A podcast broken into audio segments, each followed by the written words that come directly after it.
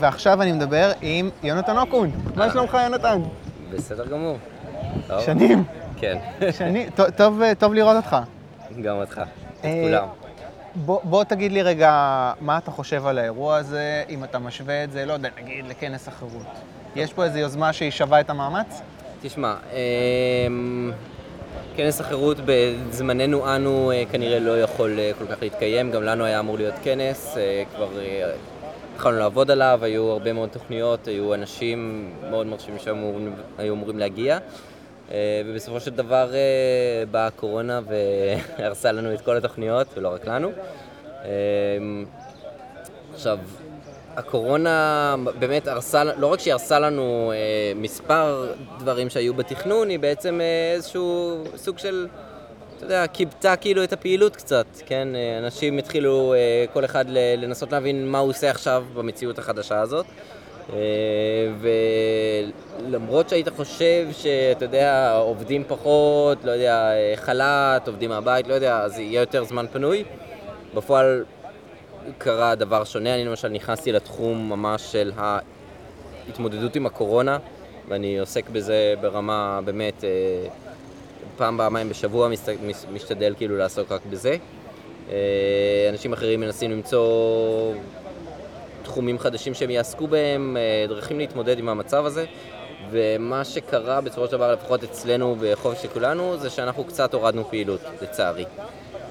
אירוע כזה, מעבר, זאת אומרת, אפילו אם לא נתייחס ל... ל... באמת אה, מה שהוא יביא ב... ב... ב... בקהלים חדשים, אה, הוא קצת זריקת אה, מרץ כזאת. לכל העמותות הליברליות, אה, ואני בעד, אני אוהב את זה, ואני חושב שזה מאוד חשוב. זהו, אני, אני, אני אוהב את מה שאני רואה כאן, אני רואה כאן הרבה מאוד אה, פעילות, הרבה מאוד אה, דיונים עם אנשים ברחוב, מכל נגישות, אנשים עוברים קודם בדוכן של אה, ראנד וצועקים כמה הקפיטליזם החזירי וה, והזה, ואז מגיעים אלינו ופתאום אה, חוטפים שוק, שהם לא מכירים בכלל גישה כזאת, אה, וגם להפך, כן, אנשים מגיעים אה, מהימין קודם אלינו, ואז אה, ליברלים בליכוד, ואני מאוד אוהב את מה שאני רואה כאן. עכשיו אני רוצה קצת לסכסך. אה, הגיעו הליברלים במרץ, וקצת, אה, אני לא, לא יודע, אכלו לכם את הגלידה, גנבו לכם את הרעם בקטע הזה של כאילו, אנחנו לא התנועה הליברלית החדשה, כי אנחנו גם מתעסקים בנושא של, ה, של הכיבוש וחופש אה, לכולנו, וכתוב גם בערבית, ובאים ליברלים במרץ ואומרים, לא, לא, אנחנו עושים את זה במרץ. וקצת משאירים אתכם כאילו, עכשיו ממצבים אתכם כאתם לימינם. אוקיי, זאת שאלה יפה. אה, אוקיי, אז קודם כל, אתה בטח יודע שאני עמדתי בראש היוזמה הקודמת במרץ של הפורום לזכויות הפרט, יוזמה שנכשלה ונזנחה אה, למעשה, אה, וזאת הייתה בעצם היוזמה האחרונה שהתעסקתי בה בעולם הפוליטי, שבעקבותיה החלטתי שאני לא הולך להתעסק בפוליטיקה מפלגתית, מחנאית יותר, לא הולך להיכנס בכלל לעולם הזה, והולך לפעול רק מבחוץ, איפה שלדעתי אני תורם יותר, אני אפקטיבי יותר, ואני משנה את המציאות הרבה הרבה יותר. אמ, וזה בעצם גם הקו המפריד אה, החזק שיש בינינו לבין הליברלים במרץ. יש עוד כמה. אה, אגב, אני מאוד מעריך את האנשים שם, אני חבר טוב של אה, חלק גדול מהם, וכאילו, אנחנו מכירים, אנחנו באים מאותם חוגים. אז קודם כל, אני מאחל להם המון בהצלחה. אני חושב שכבר אמרתי את זה אפילו בפודקאסט כאן, אני מאחל להם המון בהצלחה. לצערי, אני קצת פסימי וסקפטי לגבי באמת הסיכוי לעשות עם זה משהו, לא רק בתוך מרץ אגב, אבל גם בתוך מרץ ספציפית. אמ, אבל מעבר לזה, ההבדל המהותי הוא שחופש של כולנו היא תנועה רעיונית, תנועה שנמצאת מחוץ לפוליטיקה, תמיד תהיה מחוץ לפוליטיקה, וכשאני אומר מחוץ לפוליטיקה אני לא מתכוון מחוץ ל... אתה יודע, העימות הרעיוני. אנחנו כן מתעסקים בשאלת השלטון הצבאי, אנחנו כן מתעסקים אה, בנושא הקורונה עכשיו, אנחנו רוצים כאילו אה, ל- ל- להתחיל שיח אינטנסיבי בנושא. אה, אנחנו כן מתעסקים בנושאים בוערים על סדר היום הפוליטי, אבל אנחנו לא נכנסים לשאלה המחנאית שמאל-ימין. אנחנו לא מאמינים בחלוקה הזאת של שמאל-ימין, אנחנו מאמינים שהיא חלוקה שנובעת נטו מהמבנה השלטוני, ולא מייצגת אה, חלוקה אידיאולוגית אמיתית. אה, אנחנו לא מתעסקים עם מפלגות, אוקיי? אנחנו לא עכשיו נתמוך במפלגה אחת ו- ו- ולא באחרת, ואנחנו לא, לא נכנסים לעולם הזה בכלל, וזה תמיד יהיה נכון. אוקיי. זה באמת עיקרון יסוד של חופש של כולנו, חופש של כולנו לא ת, תהפוך אף פעם לתנועה מפלגתית. אוקיי? אבל יכול להיות שאנשים שיש, פעילים אה, מתוך חופש של כולנו ישתתפו ביוזמות מפלגתיות אלו ואחרות, אבל חופש של כולנו כתנועה תמיד תישאר חלופה, אופוזיציה, מחוץ למערכת הפוליטית. תמיד תישאר אופוזיציה רעיונית, המטרה היא באמת הפצת הרעיונות של חירות הפרט, אה, ערכים, אינפורמציה, מכל ההיבטים, אה, בקהל הכללי, בציבור הכללי. פתאום כאילו נופל לי לפאזל שכאילו, זה לא שהם יריבים שלכם, כמו שכאילו הליברלים בליכוד הם בשביל התנועה הליברלית החדשה, מה שהליברלים במרד זה בשביל חופש. אתה לגמרי, מקבל את. ההקבלה? מבין את ההקבלה ואני יכול אה, מבחינה סוציולוגית אפילו להסכים איתה. זאת אומרת, ממש רואים את זה, אנשים שהם אה, יותר, אה, אתה יודע, יותר אנשי חופל, הם באמת אנשים שאם הם ירצו עכשיו להפוך את זה לפעילות פוליטית ולהיכנס לפעילות פוליטית, הם ילכו לליברלים במרץ. אה, למרות שיש לנו גם חבר'ה פעילים שהלכו לכיוון של ליברלים בליכוד, ויש לנו כמובן יסוד גרעין מאוד כבד של אנשים שלא הלכו לא לזה ולא לזה ונשארו פשוט בחופל. אה, יצא לך להתקל בהתארגנות של, אה, ראיתי ביש עתיד פתאום, אה, חירות ביש עתיד, או חירות כן, יש בתל או יש משהו התארגנות כזה. גם ביש עתיד. אה, זה- זה זה רציני? תשמע, יש הרבה אנשים שחשבו שיאיר לפיד הולך להיות הטומי לפיד הבא, כן? ושינוי הייתה הרבה יותר ליברלית, כן? היא דיברה הרבה יותר על קפיטליזם באופן מאוד בוטה ומאוד בגלוי. ועכשיו גם יאיר לפיד מתחיל, מנסה לקרוץ לכיוון הזה, הוא מתחיל לדבר על שמרנות, הגות שמרנית, לא שמרנות במובן הפופולרי, אלא אה, שמרנות במובן אה, פרידריך הייק וקרל פופר. אה, אז הוא מתחיל להתקרב ל, ל, לנושא הזה, וראיתי כמה פרסומים שלו כבר בנושא הזה, הוא אפילו אה, אה, בקשר עם הוצאת ספרים אה, שיבולת, כן, אה, וסלע מאיר, שמפרסמים ספרים אה, בתחום הזה. אה, אז יש שם איזשהו, אה, נראה תנועה לכיוון הזה, וכנראה חבורת אנשים שבאמת, יש הרבה אנשי מרכז שהם ליברליים, כן? רוב אנשי המרכז הם אה, מגיעים מרקע בורגני, אה, באופן כללי בעד שוק חופשי, בעד אה, אה, חופש חוזי ועסקים, יכולת של עסקים לפעול, וכמובן שהם בעד חירות הפרט במובן של חופש הביטוי. שוב, באופן כללי, אתה מכניס אותם לפינה, אתה יכול למצוא שם אה, גליצ'ים, אה, כמו בנושא אה, לצאת נגד, ה, לא יודע, הרעיון הציוני. אני יכול, אה, סתם הגזמה, אבל אה, יכולים להיות כאלה נקודות. אבל באופן כללי יש שם איזה vibe ליברלי באופן כללי מאוד, והם ניצלו את המומנטום הזה ומנסים עכשיו ליצור תנועה שם, הרי המפלגה הזאת מחפשת את דרכה עכשיו שהתפצלה מכחול לבן, וגם להם, שוב, אני מאחל המון בהצלחה. אה, אני שמח שיש התארגנויות אה, ליברליות בעצם בספקטרום, על פני כל הספקטרום הפוליטי. אה, זהו. בואו נדבר קצת על הקורונה בהקשר של... אני אתן רגע את ההקשר, אנחנו נמצאים בתל אביב, הרבה דוכנים, הרבה כובעים, כולם מסר אחד, חופש זה טוב, שוק חופשי זה טוב, פחות או יותר, אני אעשה את זה ככה בגס.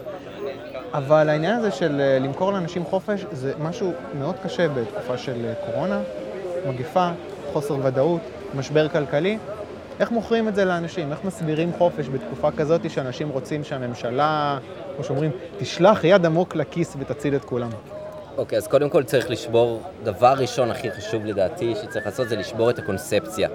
יש קונספציה שיש כאן התנגשות מאוד מאוד חזקה בין החירות שלנו לבין אה, החיים שלנו, אוקיי? ואם אנחנו עכשיו אה, נחיה אה, בחופשיות, נותנים תמיד את שוודיה כדוגמה, שוודיה לא הכילה סגר, שוודיה נתנה לעניינים אה, להתנהל כמעט ללא מגבלות, כן, הם כן אה, אוסרים התקהלויות ומגבילים קצת את הלימודים וכדומה, אבל זה כאילו שוודיה בתור, אה, אה, אתה יודע, האסטרטגיה המופקרת במרכאות, החירותנית כביכול, אה, של לא לעשות כלום, למול אה, האסטרטגיה של הסגר, שהגיעה במקור מסין, אגב. אה, של להכיל סגר, לסגור את האנשים בבית, אולי אפילו עוצר במקרים מסוימים, במקומות מסוימים. אה, ואלה כאילו שתי האופציות שעומדות בפנינו, זה ככה זה נראה בדיון הציבורי, ככה זה נראה בפייסבוק וככה זה נראה בתקשורת ורוב הפוליטיקאים מדברים על זה. ומה שאנשים לא מבינים זה שזה בכלל לא נכון, זה בכלל לא הדיכוטומיה כאן. וזה הסרת אחריות מטורפת מצד משרד הבריאות ומצד הממשלה אה, בכלל אה, אה, לפמפם את המסר הזה של אם לא תהיו בסדר, תהיו בסגר. זאת אומרת, איפה אתם כאן? למה אתם לא עושים את התפקיד שלכם שהוא להשתלט על המגפה הזאת בלי להשמיד את, הס... את הציוויליזציה? ואפשר לעשות את זה, כן? אפשר לעשות את זה. דרום קוריאה למשל, אתה רואה, המועדונים פועלים בדרום קוריאה, פאבים פועלים בדרום קוריאה, הופעות, עסקים, הכל פועל כרגיל בדרום קוריאה, למעט מקרים מסוימים שבו הם עושים נגיד אה, בידוד על שכונה. שבו הם מכניסים אנשים לבידוד מוגדר מראש של שבועיים. אתה יודע שאתה נכנס לבידוד, ואם אתה נבדק ויוצא חיובי בתקופת הבידוד, אתה חופשי. כן, זה גם נותן לאנשים תמריץ להיבדק. שלילי. יוצא שלילי, סליחה. אתה, אתה, אתה כן, אתה, אתה חופשי אה, מהבידוד. כן. זאת אומרת, אנשים שם, מאוד ברור להם, יש שם ודאות עסקית מאוד חזקה, שהעסקים ימשיכו כרגיל, ולמרות זאת הם ישתלטו על המגפה. ואיך הם עשו את זה? הם עשו את זה באמצעות contact tracing, הם עשו את זה באמצעות שימוש חכם בבדיקות. הם, כל בן אדם שהוא חולה, הם בעצם מזהים את כל המגעים שלו, עושים חקירה אפידמיולוגית, שיש כאן עניין של חירות הפרט, וגם את זה אפשר לפתור. יש אמצעים היום שמאפשרים לעשות אה, זיהוי מגעים בלי בעצם גישה אפילו לנתוני מיקום סלולריים, בלי צורך ב, אה, במעקב, אוקיי? בלי צורך בחקירה פולשנית. אפשר לעשות את זה, עשו את זה, יש אלגוריתמים קיימים לזה. בדרום קוריאה אגב משתמשים בדיוק באלגוריתמים כאלה והם אפילו וולונטריים, אתה יכול להוריד אפליקציה, אתה לא חייב בחוק. אה, וככה הם, הם עושים את זה וככה הם מתמודדים עם זה וזה עובד להם. אה, ומה שאתה צריך לעשות זה את כל המגעים לבדוק. סימפטומטיים, לא סימפטומטיים, אתה בודק את כולם. אוקיי? ואיך שהם אגב כל כך בבדיקות, כי הם נותנים לחברות פרטיות לבדוק. זה הכל. הם ישר על ההתחלה יצאו למכרזים לחברות פרטיות, אפשרו לחברות פרטיות לייצר בדיקות, למכור בדיקות לכל העולם, לייצא, לא הגבילו אותם. היה לחברות פרטיות אינטרס מאוד מאוד חזק לייצר כמה שיותר מהר בדיקות שמחזירות תשובה כמה שיותר אמינה, כמה שיותר זריזה, אוקיי? כי הם בתחרות מול החברות האחרות, והם יכולים אחרי זה לייצא את הבדיקות האלה לכל העולם, ו... וגם לממשלה שלהם למכור את זה. אה, וזה בעצם סוד ההצלחה שלהם. המון המון בדיקות, בדקו את כולם, כל מי שחיובי, כל המגעים שלו נבדקים, ובעצם ככה מוצאים את כל האנשים המדבקים, או לא את כל, לא צריך למצוא את כולם אפילו, צריך למצוא 60 אחוז, נגיד, מהאנשים המדבקים ברגע נתון, לשים אותם בבידוד, אוקיי? ובעצם לא רק ששיטחת את העקומה, סיכוי טוב שממש אתה משאיר את המגפה על אש נמוכה מאוד. כן, עשרות נדבקים ביום באופן קבוע, והם ככה כבר שלושה ארבעה חודשים על עשרות נדבקים ביום. פעם ב- יש איזו התפרצות שם שעושה הרבה רעש בתקשורת, הם משתלטים על זה מאוד מהר באמצעות האסטרטגיה הזאת. ושוב, בלי, בלי המחיר הכבד שאנחנו רואים אצלנו של הסגר. אני רוצה רק לגעת בזה עוד רגע.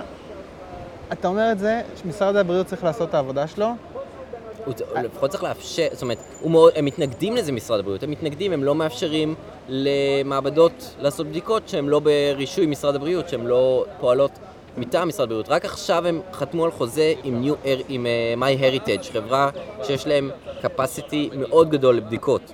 אוקיי, וספציפית גם בדיקות קורונה, כבר לפני שלושה חודשים MyHeritage אמרו, אנחנו יכולים לעשות עשרת אלפים בדיקות ביום.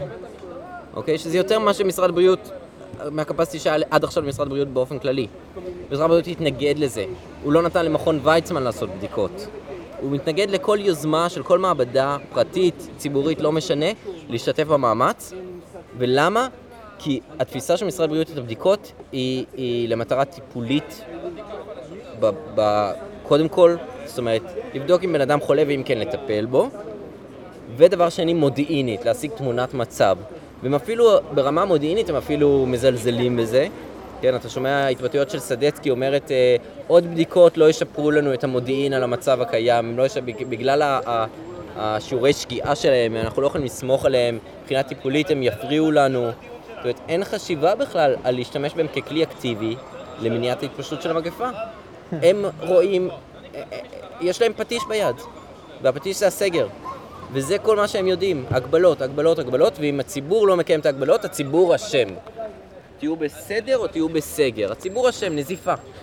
אבל אתה יודע, אתה אומר כאילו צריך שמשרד הבריאות יאפשר לגורמים לעשות את העבודה שלהם, אבל אני כמישהו שבעד להקטין מעורבות ממשלתית, אומר כאילו, טוב, ברור שהם יהיו גרועים. ברור שהם יהיו גרועים. אז, אז, איך, אז מה התוכנית פעולה? לגרום להם להיות טובים? התוכנית פעולה היא, שלי אישית היא ליצור חלופה משכנעת וזולה ואפשרית למקבלי ההחלטות אה, ולקדם אותה בכל ערוץ שאני יכול, בכל קונטקט שיש לי בגופים שונים, במל"ל, מכון גרטנר, אה, מפא"ת, משרד הבריאות, אני באמת, אני הולך אה, לקדם את זה בכל הגופים ברגע שיהיה לנו ממש תוצר משכנע ועובד והוכחת התכנות מאוד מאוד ברורה. אתה יכול לדבר על זה? על מה, מה שאתה עובד? או שזה כאילו... אני יכול לדבר על זה, כן. אוקיי, תספר באמת, כי אתה... אז אני... דיברנו על זה קודם, אבל ת, תסביר מה אתה עושה כדי לעצור את הקורונה. אז אוקיי, אז, אז לי באמת מאוד מפריע הדיכוטומיה הזאת והרעיון שסגר הוא הפתרון. מצד שני, אני מבין את הפחדים, אני מבין את החששות, אני מבין את, ה, את הסכנות שברעיונות של חיסון עדר ונשחרר את כולם ונבודד רק את האוכלוסיית סיכון. אני מאמין שאי אפשר לבודד הרמטית אוכלוסיית סיכון, ואני מאמין שאם פשוט לא נעשה כלום, אפשר להגיד, ואם לא אה, באמת אה, נפעל אה, בהתאם למציאות של הקורונה, אני מאמין שאנחנו נראה כאן קטסטרופה, קריסת מערכות הבריאות, מה שראינו באיטליה בערך. Okay. כן, אוקיי. אני חושב שקיבולת בתי החולים שלנו היא לא ברמה כמו שבשוודיה, אני חושב שאנחנו ברמה הרבה יותר נמוכה. אני חושב שאין לנו, הבריאות שלנו כמעט כולה בריאות ציבורית ברמה, זאת אומרת, בתי החולים ספציפית, ברמה מאוד נמוכה, אין שם אפילו שיטת שוברים ברוב התחומים. כן? אה, יש תחומים ספציפיים שבהם יש קופת חולים, שיטת שוברים עובד מעולה, אנחנו ברמה מאוד גבוהה בעולם. אה, בתי יולדות אנחנו ברמה מאוד גבוהה בעולם, מאותה סיבה יש תחרות, אבל בבתי החולים לא. בתי החולים כמעט כולם ציבוריים, אין רישיון לבתי חולים פרטיים כמעט בכלל לפעול, מרחב הפעולה שלהם מוגבל מאוד, והקפסיטי של בתי החולים הציבוריים מאוד מאוד נמוך. בהתחשב לא בנתונים האלה. אה, וכבר על ההתחלה, כש, כשהתחלתי להשיג כשהתחלתי לשמוע על הקורונה עוד בסין כשהיא הייתה, אני ישר הבנתי מה המשמעות של זה, וישר הבנתי שאנחנו מתמודדים כאן עם בעצם נגיף שנמצא באזור הכי מסוכן על מרחב הפרמטרים כמעט, אה, שבין אה, הדבקה לתמותה, נגיד ככה, אה, או למצב קשה. כי באמת הנגיף הזה הוא נגיף נכלולי מאוד, אה, והעובדה שהוא לא מראה סימפטומים בהרבה מאוד מהמקרים, שהיום מתחילה להתבהר הרבה יותר התמונה הזאת אפילו, אה, זה, זה, זה, זה, זה עובדה רעה. זה לא דבר טוב, זה דבר כן. רע, כי זה אומר שהוא ממשיך להתפשט. אה, לכן כן נדרשת כאן פעולה. אבל איזה פעולה נדרשת? פעולה שתאפשר לחברה שלנו להתקיים בחופשיות במקביל לקורונה. לא פעולה שעל ידי זה שנעצור את, את החברה לחלוטין. לא סגר, לא עוצר, לא לסגור את המסעדות, לא לסגור את העסקים. זה, זה באמת שזה הזיה מבחינתי שהדבר הזה מקובל על הציבור. אה, ואני חושב אגב שזה יחמיר. זאת אומרת, אם ניכנס לסגר שני עכשיו, אני חושב שאנחנו נראה סגר הרבה יותר דרקוני, הציבור יהיה הרבה יותר אפאתי, הרבה פחות אה, אה, משתף פעולה, ובמקביל הממשלה תפעיל אמצעים הרבה יותר דרקוניים. או הפוך, או הפוך, אנשים יגידו, טוב, המגיפה הזאת אנחנו רואים היא לא משהו, אנחנו שמים זין על ההנחיות. נכון, כי די, כי, אבל, כי אין עבודה, אין. אבל שים לב, הציבור ישים זין על ההנחיות, מה הממשלה תעשה בתגובה? היא תוציא חיילים לרחוב. היא תוציא חיילים לרחוב. תהיה, אני, אני, לדעתי אפילו הולכת להיות יחידת מילואים שייעודית להתעס... לאכיפת הסגר בנושא הקורונה, זה מה שיקרה אם יהיה סגר שני. זה החיזוי שלי. הממשלה עושה הרבה דברים גרועים. והם כבר, אגב, היה גיוס, כבר יש פקודה שתוכננה בסגר הקודם, זה ענק סגר, ממש ימים ספורים אחרי ש, שאמרתי שזה מה שאני צופה שיקרה, שממש יקימו יחידת מילואים ייחודית ושהמשטרה ת, ת, תיכנס בכל הכוח בנושא הזה. ממש כמה ימים אחרי זה הכריזו על גיוס מילואים לטובת העניין הזה. אז זאת אומרת, זה לא, זה לא מנותק מהמציאות, ואנחנו רואים אגב ב, בהרבה מדינות שיש ממש אה, עוצר שהמשמר הלאומי אוכף אה, בחסות הקורונה, לפעמים זה לא תמיד למטרת הקורונה. בארה"ב ממש את הסמכות הזאת שהשיגו מהקורונה של להשתמש במשמר הלאומי כדי לאכוף עוצר, אכפו- הכילו עכשיו כדי להתמודד בכלל עם המחאות בנושא ג'ורג' פלויד, כן. במהומות ה- ה- הנוכחיות שם. וזה זה, זה, זה דינמיקה כל כך צפויה וכל כך מסוכנת, שאני רוצה למנוע אותה. ואני חושב שאם ישראל עכשיו תתמודד בצורה ליברלית ומוצלחת ואפקטיבית עם הקורונה, אני חושב שהיא תסחוב גם מדינות אחרות. זאת אומרת, יש בזה חשיבות בעיניי מאוד גבוהה גם מעבר לביצה המקומית, אבל כמובן שהביצה המקומית היא חשובה, כן? ישראל היא חשובה, חשובה לי אישית, אה, ואני מאוד מפחד ממה שעלול לקרות אם אנחנו נמשיך במסלול הנוכחי של הסגר הפועם, אסטרטגיית הסגר הפועם. אגב, זה היה מאוד ברור שאנחנו נחזור לסגר גם, כן? אם משרד הבריאות לא יפעיל contact tracing כמו שצריך, אם הוא לא ישנה פאזה, שאגב זה התחיל, אבל בקטנה, אם הוא לא יעשה שינוי פאזה, אה, אנחנו נחזור לסגר. אין, אין בכלל שאלה כאן. רק להבהיר, אז אתה בתחום של ה contact tracing. אני, כן, לגמרי. מה אתם מפתחים? אה, ש, שיטה יותר יעילה ל contact tracing. contact tracing, מה הרעיון? הרעיון הוא, אתה מוצא מישהו חיובי, אתה מוצא את כל המגעים שלו, בין אם בחקירה אפידמיולוגית, בין, בין אם באופן דיגיטלי, באמצעות מפגשים בין אנשים, אה, עם השימוש בטלפונים לצורך העניין, אה, ואת כל המגעים שלו אתה בודק, בין אם הם סימפטומטיים או אסימפטומטיים. מתוכם את החיובים שאתה מוצא, אתה ממשיך את התהליך הזה. ואז בעצם ככה אתה מבודד את כל מי שאתה מוצא חיובי למשך שבועיים, תקופת הדג- הדגירה פלוס החלמה ממחלה בערך, אה, וסטטיסטית אתה ככה עוצר את שרשראות ההדבקה, ואתה מוריד את ה-R0, אתה משטח את העקומה, ממש, זה באמת שיטוח עקומה, לא כמו סגר, שפשוט עוצר את העקומה, זה באמת שיטוח העקומה, אה, ואולי אפילו ממגר את המגפה. זאת אומרת, לא מאפשר לה אפילו להתפרץ, להגיע לשלב האקספוננציאלי. אוקיי? וזה מה שקורה בדרום קוריאה. הם מצליחים, זה מאוד יפה. זה contact tracing. עכשיו, הרעיון שלנו בא להגיד, אוקיי, יש לנו כמות בדיקות הרבה יותר, ויכולת בדיקות הרבה יותר מוגבלת מדרום קוריאה, אוקיי? אה, ויש לנו אולי אוכלוסייה גם פחות ממושמעת, בואו בוא נשפר את השיטה הזאת. ומה שאנחנו מציעים זה אלגוריתם שמבוסס על, על PageRank, על אלגוריתם של גוגל, אה, של דירוג אה, אתרים בעצם, שבעצם נותן ציונים, לכל, לכל בן אדם יש ציון של מה הסיכוי שלו להיות חולה, אוקיי? וכשהוא נפגש עם אחרים, הציון שלו ושל האחרים מתעדכן בהתאם לציונים של מי שהם נפגשים איתם. אז אה, לצורך העניין, נגיד שאני נפגשתי עכשיו עם בן אדם אחד, אבל הציון, הסיכוי שלו להיות חולה בקורונה היה מאוד גבוה, זה יגדיל מאוד את הסיכוי שאני חולה בקורונה, בגלל שנפגשתי איתו. בייחוד אם המפגש הוא ארוך, כן, ארוך וקרוב. רגע, ואני רוצה, אני אנחש, ואז אנחנו לוקחים ובודקים רק את מי שהציונים שלהם גבוהים? בדיוק. אנחנו מבודדים כמות מסוימת, אנחנו בודקים כמות מסוימת, ואז אנחנו מעדכנים את ההסתברויות בהתאם, בצורה בייסיאנית, בהתאם לתוצאות הבדיקה. עכשיו, גם אם מישהו מפתח סימפטומים, אתה יכול לעדכן את התוצאות בצורה בייסיאנית. ומה יפה בזה? מה שיפה ברעיון הזה, קודם כל שהוא מאוד מתמקד בסופר ספרדרס, זאת אומרת, הם אלו, ואפשר להראות את זה, שיקבלו את הציון הכי גבוה. מאוד מהר. מאוד מהר האלגוריתם הזה אה, ימצא אותם, ויגיד, אוקיי, אלה האנשים שצריך לבודד. אוקיי, אם יש להם קורונה, הם, הם יביאו להפצה המונית עכשיו. ואנחנו יודעים שהמגפה הזאת, סופר ספרדר זה, זה המילה כאילו במגפה הזאת, כן? מה, אה, אנשים בודדים 80% שמפיצים? מההדבקות הם 20% מהאנשים בערך, כן? תלוי בתרבות וב, ב, וגם בהיבטים אה, של גיל וגנטיקה אולי, אבל זה בגדול מה שאנחנו מתחילים להבין על המגפה הזאת, שממש היא, היא אנשים בודדים מפיצים להמון אנשים. ככה ההדבקה עובדת. טוב, רגע, אני אעצור פה, כי אנחנו צוללים קצת וזה נחמד, אבל אני רוצה לדבר עם עוד מישהו, ואנחנו כבר. בזה. אני רק דבר אחד רוצה לשאול אותך. אה, הממשלה הזאתי, זה קצת כן. חדש, קצת לא ברור מה, מה הכיוון שישראל כץ אה, אה, סוחב אליו. יש מצד אחד את הקולות של בוא נאפשר יותר יבוא, יבוא של דגים, הוא קצת נלחם ב- להשאיר את העניין הזה של יבוא חמאה אה, ללא, ללא מכסים.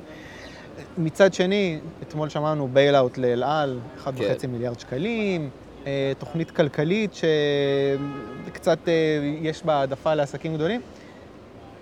ואני מנסה לאזן את זה עם קולות שיש בליכוד, שכן קוראים קצת למען אה, שוק חופשי. נגיד יש את שרן השכל, יש את שלמה קרעי, עכשיו חדש, פחות או יותר בכיוון, מיכל שיר דיברה נגד חוק השליש של ההסתדרות. אני תוהה אם המרק הזה של הממשלה החדשה, יחד עם אה, פרץ וניסנקורן וישראל כץ, לאיזה כיוון בסופו של דבר זה יסחוב? עוד מאותו דבר, או נראה איזושהי שבירה שמאלה? תשמע, מאוד מוקדם להגיד. כן. אה, מאוד מוקדם להגיד. אה, אני... קשה לי באמת לחזות. מצד אחד, אתה יודע, ישראל כץ יש כאילו ב record דברים מאוד חיוביים, כמו המלחמה העיקשת שלו למען תוכנית שמיים פתוחים, והוא באמת נלחם שם בוועדים ובאל על ובהרבה גורמי כוח. והוא באמת בולדוזר כשהוא נלחם על דברים. ומצד שני, יש לו את המלחמה שלו למען Gett Taxi ונגד Uber.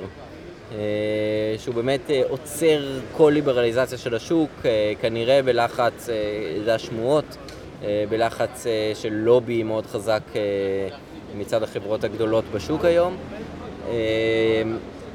לא אגב ועד נהגי המוניות כמו, ש... כמו שיש אנשים שטוענים, ככל הנראה אין לזה ביסוס, זה שזה הוועד נהגי המוניות, mm-hmm. אלא באמת החברות, פשוט לובי של החברות הגדולות. אז יש לו גם וגם, הוא יכול לעשות גם וגם. בניגוד לכחלון, הוא, הוא לא טיפש. אוקיי? אוקיי. אני מצטער שאני בוטה, אבל, אבל זה נכון, בניגוד לכחלון הוא לא טיפש. אמ, אנחנו, זה, זה באמת נתון בעיקר בידיים שלנו, של הציבור הרחב. אנחנו חייבים להפעיל לחץ ציבורי מאוד מאוד ברור לטובת ליברליזציה. על כל פוסט שבו הוא מדבר על ביטול מכס, צריך להגיע לאלפי ועשרות אלפי לייקים ותגובות. צריך לשתף אותו. כל פוסט שבו הוא כותב על, אה, אה, לעומת זאת, על, אה, לא יודע, אל על צריך לצאת בזעקה וצריך, והוא צריך להרגיש את זה, הוא צריך להרגיש את זה מהכיוון של הציבור. הייתי אומר גם בתקשורת, אבל לצערי אני לא יודע, קשה מאוד בתקשורת באמת להכווין לכיוון חיובי, אבל לפחות ברשתות חברתיות יש לזה כוח מאוד גדול, mm. וזה ממש עלינו להכתיב לאיזה כיוון זה ילך.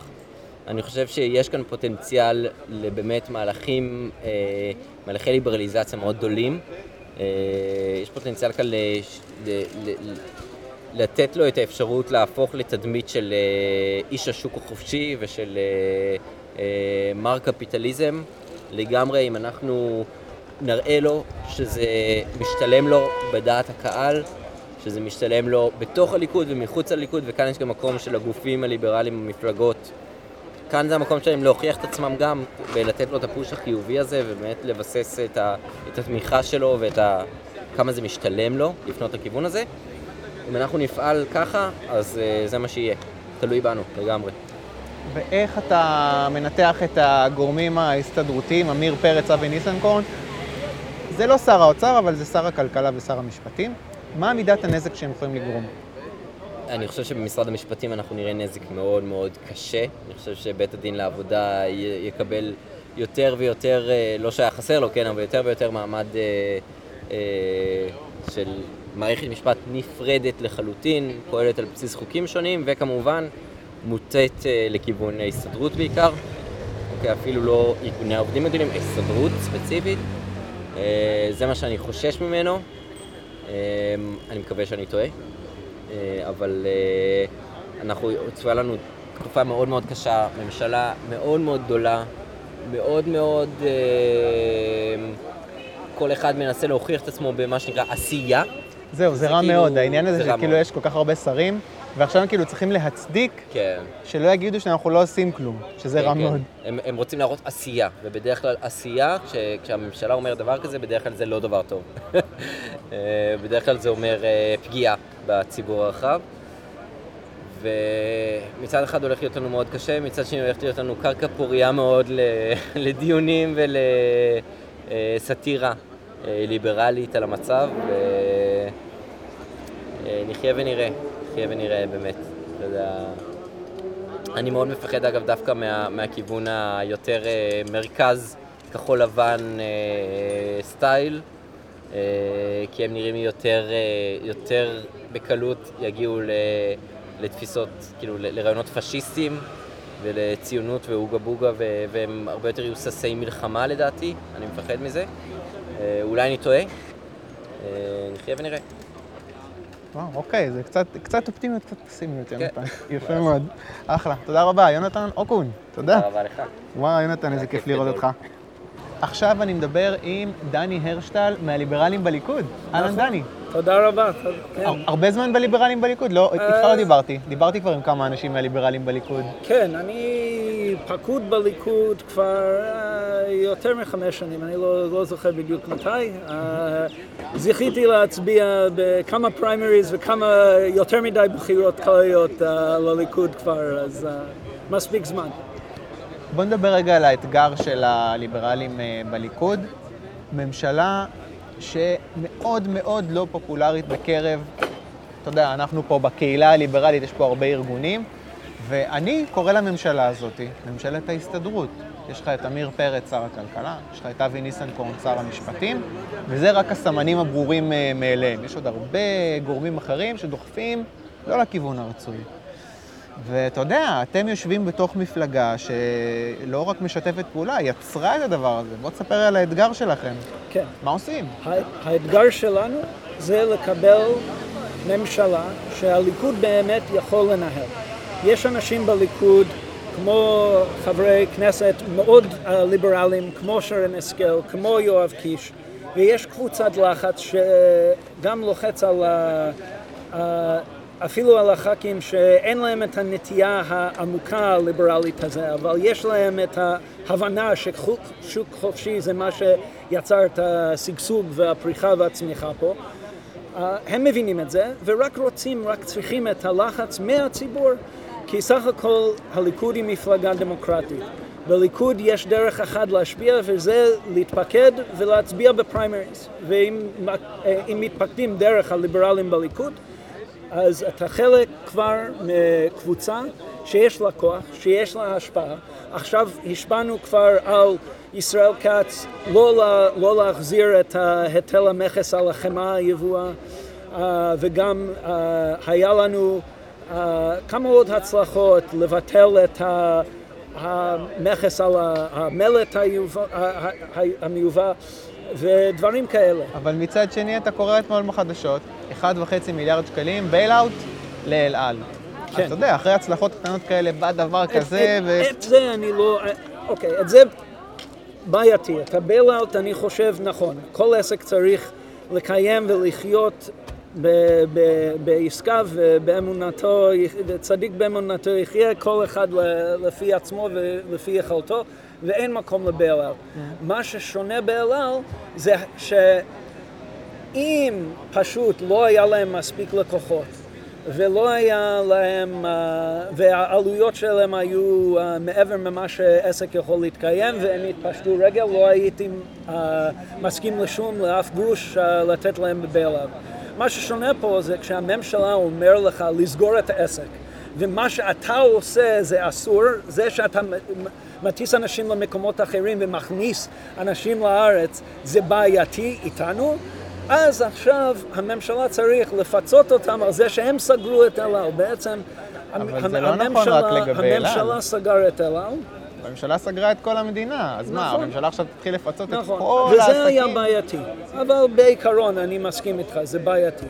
מה שיש בעיה, שאין מספיק מפלגות, אה, מפלגות ליברליות בארץ.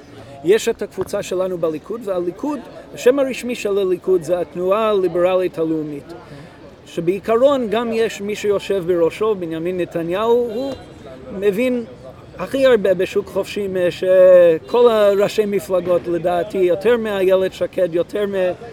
אולי אפילו יותר מליבי מולד וגלעד אלפר. אוקיי. הוא מבין בזה, והוא, והוא רוצה להשפיע ככה. אבל מה הבעיה? כשהוא היה שר, אה, שר האוצר ב-2003, היה פה המון אה, רפורמות, פיתח את השוק הפיננסי, שהיה פה אז נזילות, ונתן להרבה אה, אה, עסקים אה, להצמיח ולגדול, וכל שוק ההייטק לגדול.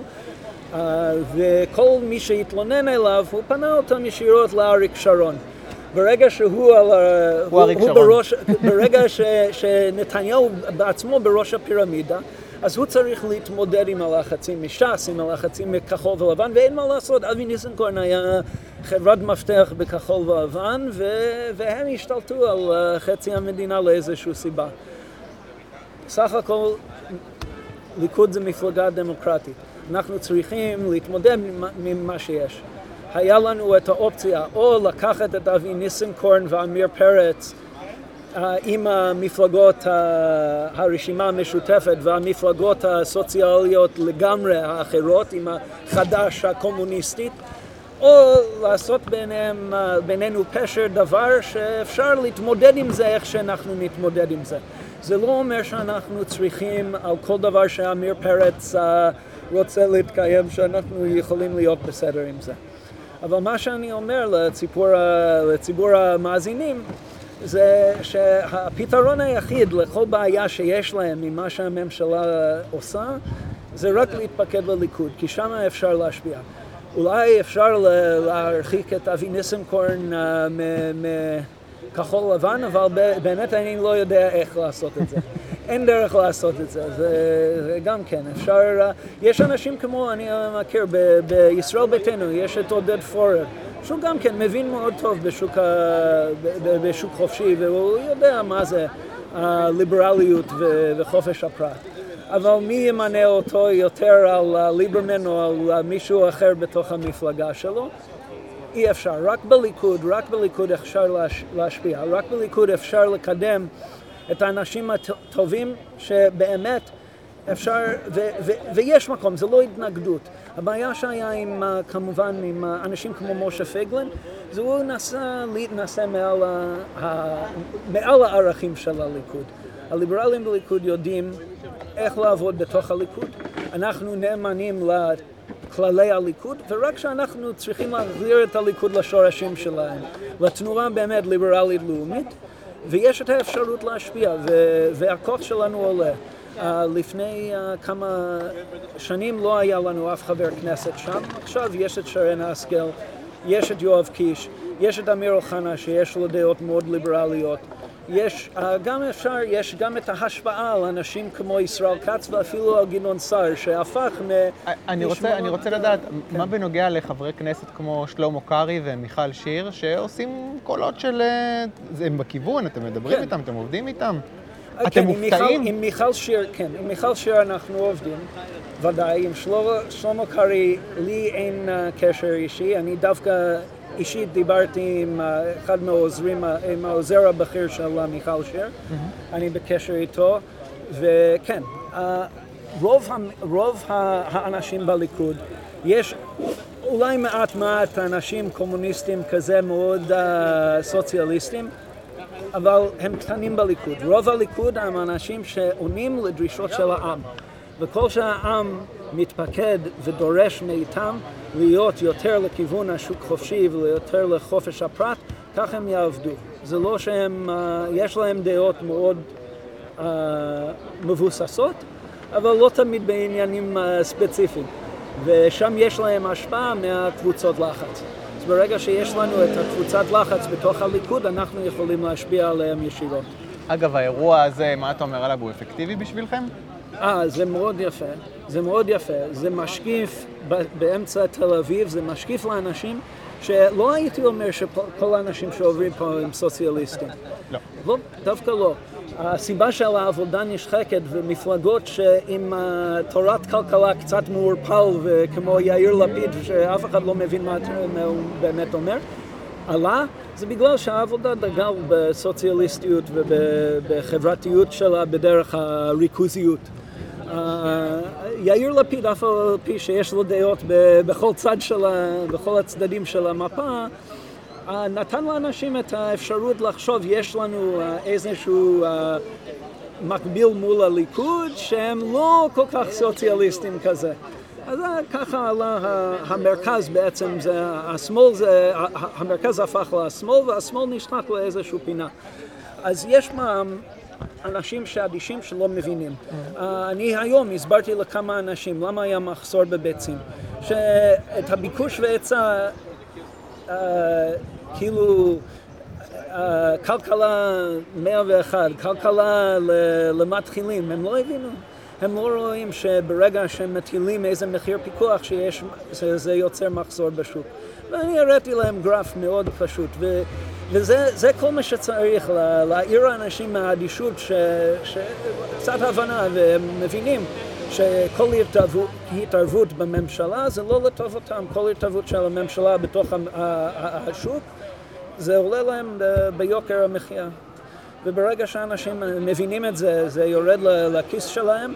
יש אנשים פה שדיברו על העניינים פילוסופיים מאוד גדול ותורת האובייקטיביזם ודברים כאלה, זה יפה וזה חשוב, אבל אם מסתכלים לאנשים בעיניים ואומרים, הכסף שיוצא לך מהכיס זה בגלל רגולציה של הממשלה, זה בגלל המכסים, זה בגלל הקבוצות האינטרסים שלא רוצים יבוא, אז ברגע שהם מבינים את זה, אז הם מאוד פתוחים לעניינים, ואני חושב שזה יתפוס תפ- אה, תנופה וזה זה יכול רק לגדול מפה.